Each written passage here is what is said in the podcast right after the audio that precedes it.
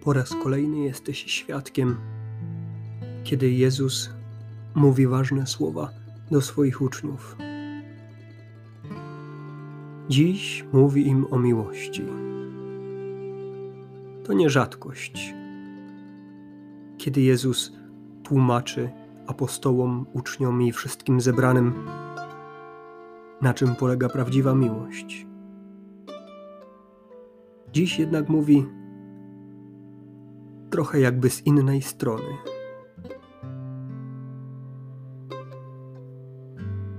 Jak mnie umiłował Ojciec, mówi Jezus, tak ja was umiłowałem. Trwajcie w miłości mojej. I w tym momencie budzi się w tobie pytanie, ale w jaki sposób mogę trwać w miłości Jezusa? Bo gdzieś wewnętrznie, przecież tak głęboko w środku, odczuwam pragnienie, by trwać w Jego miłości, by być blisko Boga, bo niespokojne jest moje serce, dopóki nie spocznie w Bogu. Jezus za chwilę, jakby w odpowiedzi na te wątpliwości, dodaje: Jeśli będziecie zachowywać moje przykazania, będziecie trwać w miłości mojej. Jakże konkretna wskazówka. Jezus mówi, że wystarczy zachowywać Jego przykazania.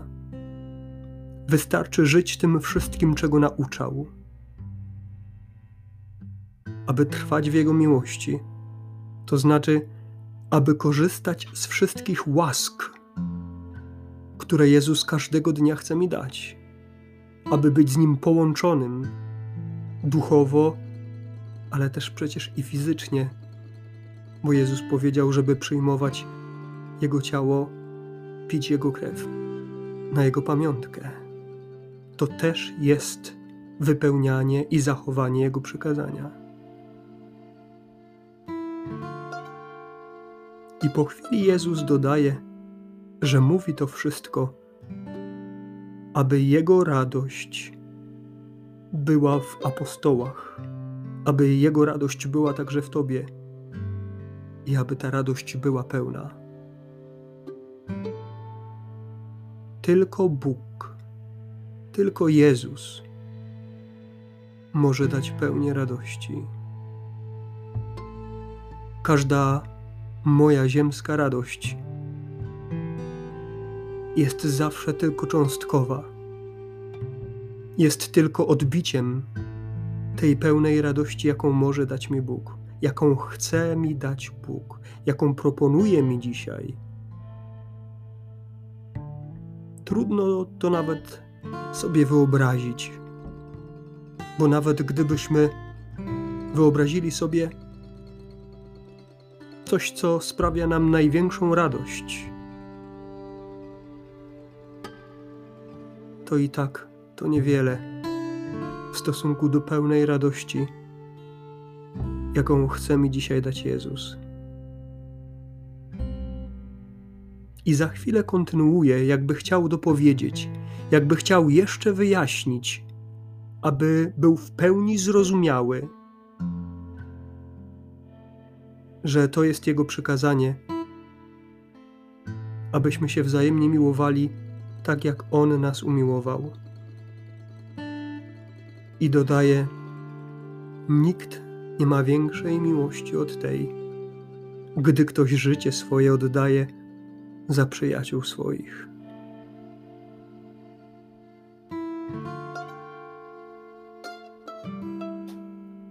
Jezus najpierw mówi, abyśmy się wzajemnie miłowali. Miłość i miłowanie to coś więcej niż tylko szacunek, bo ono zawiera w sobie jakiś pierwiastek wyrzeczenia, rezygnacji z siebie.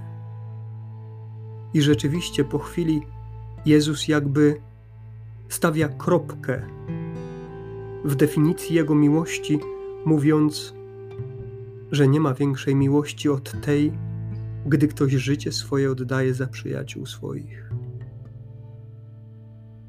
niesamowicie piękne, ale też i niesamowicie trudne. Bo przecież moje życie jest darem najcenniejszym dla mnie. Ale Jezus wcale nie mówi, że żąda mojego życia, że chce, abym oddał swoje życie za przyjaciół albo za wiarę.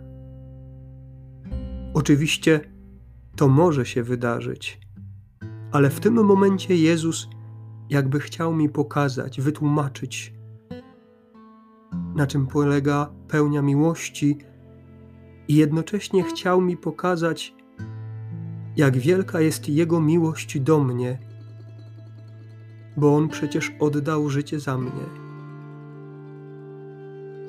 I co więcej,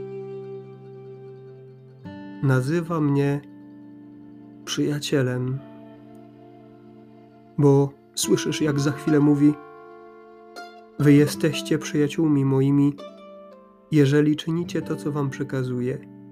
Już was nie nazywam sługami, bo sługa nie wie, co czyni jego pan, ale nazwałem was przyjaciółmi, albowiem oznajmiłem wam wszystko, co usłyszałem od Ojca mego.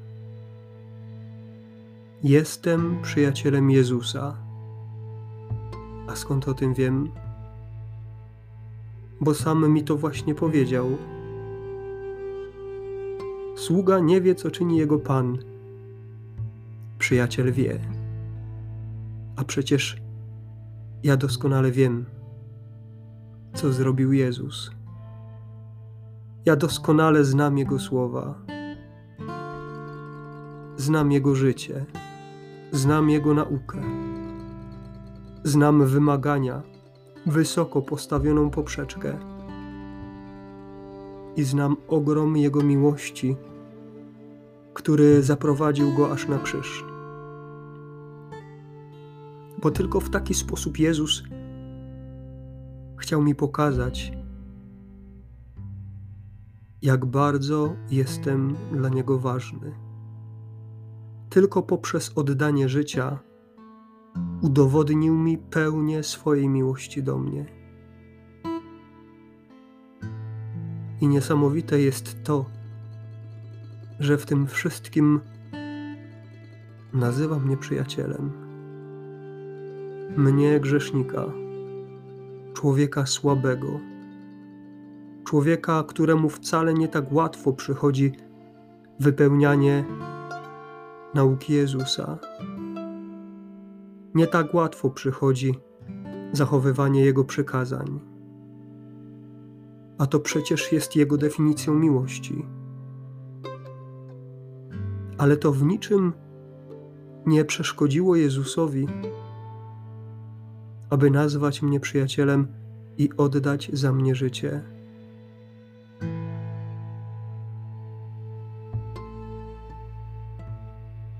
Rozumiem teraz, że to nie tylko sucha definicja miłości,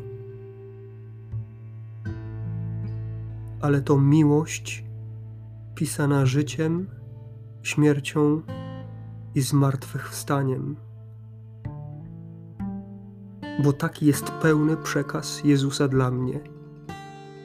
Życie, śmierć i nie koniec, a właściwie dopiero początek, zmartwychwstanie, pełnia życia. Właściwie to chyba nawet nie mogę powiedzieć, że żyję, dopóki nie umrę, bo dopiero wtedy będę żył w pełni.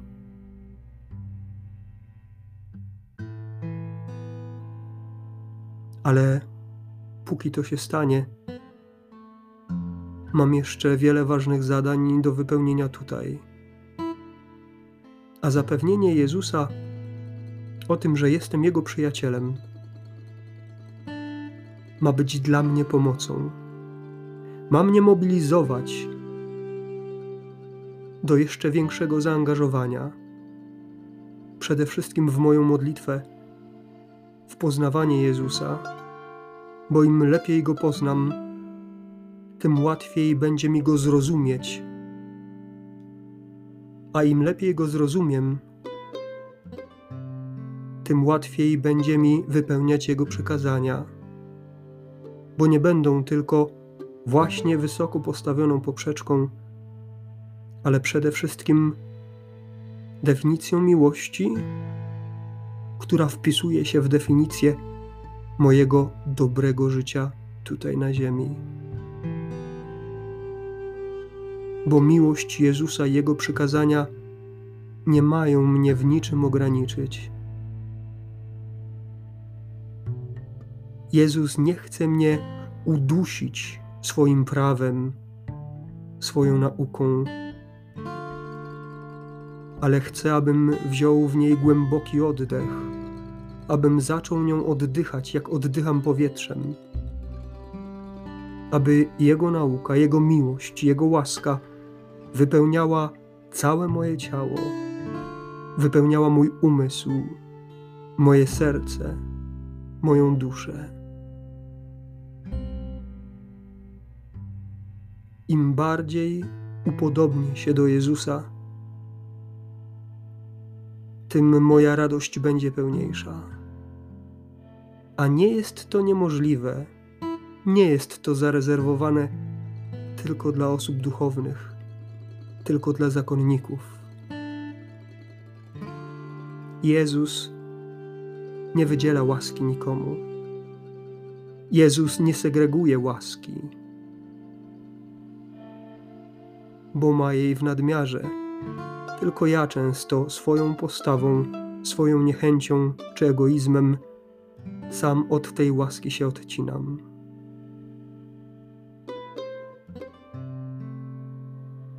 Ale dziś, może trochę mocniej, zrozumiem, że jestem w stanie uwierzyć bardziej, że mogę pokochać bardziej że mogę zrozumieć mocniej to, co Jezus ma mi do powiedzenia. Nie tylko dziś, ale w całej Ewangelii, w całej tradycji Kościoła, w całym dziele zbawienia, bo tam kryją się dowody Jego obecności. Jeżeli Jezus mówi mi, że przez zachowywanie Jego przykazań będę trwać w Jego miłości, to ja Mu po prostu muszę w to uwierzyć.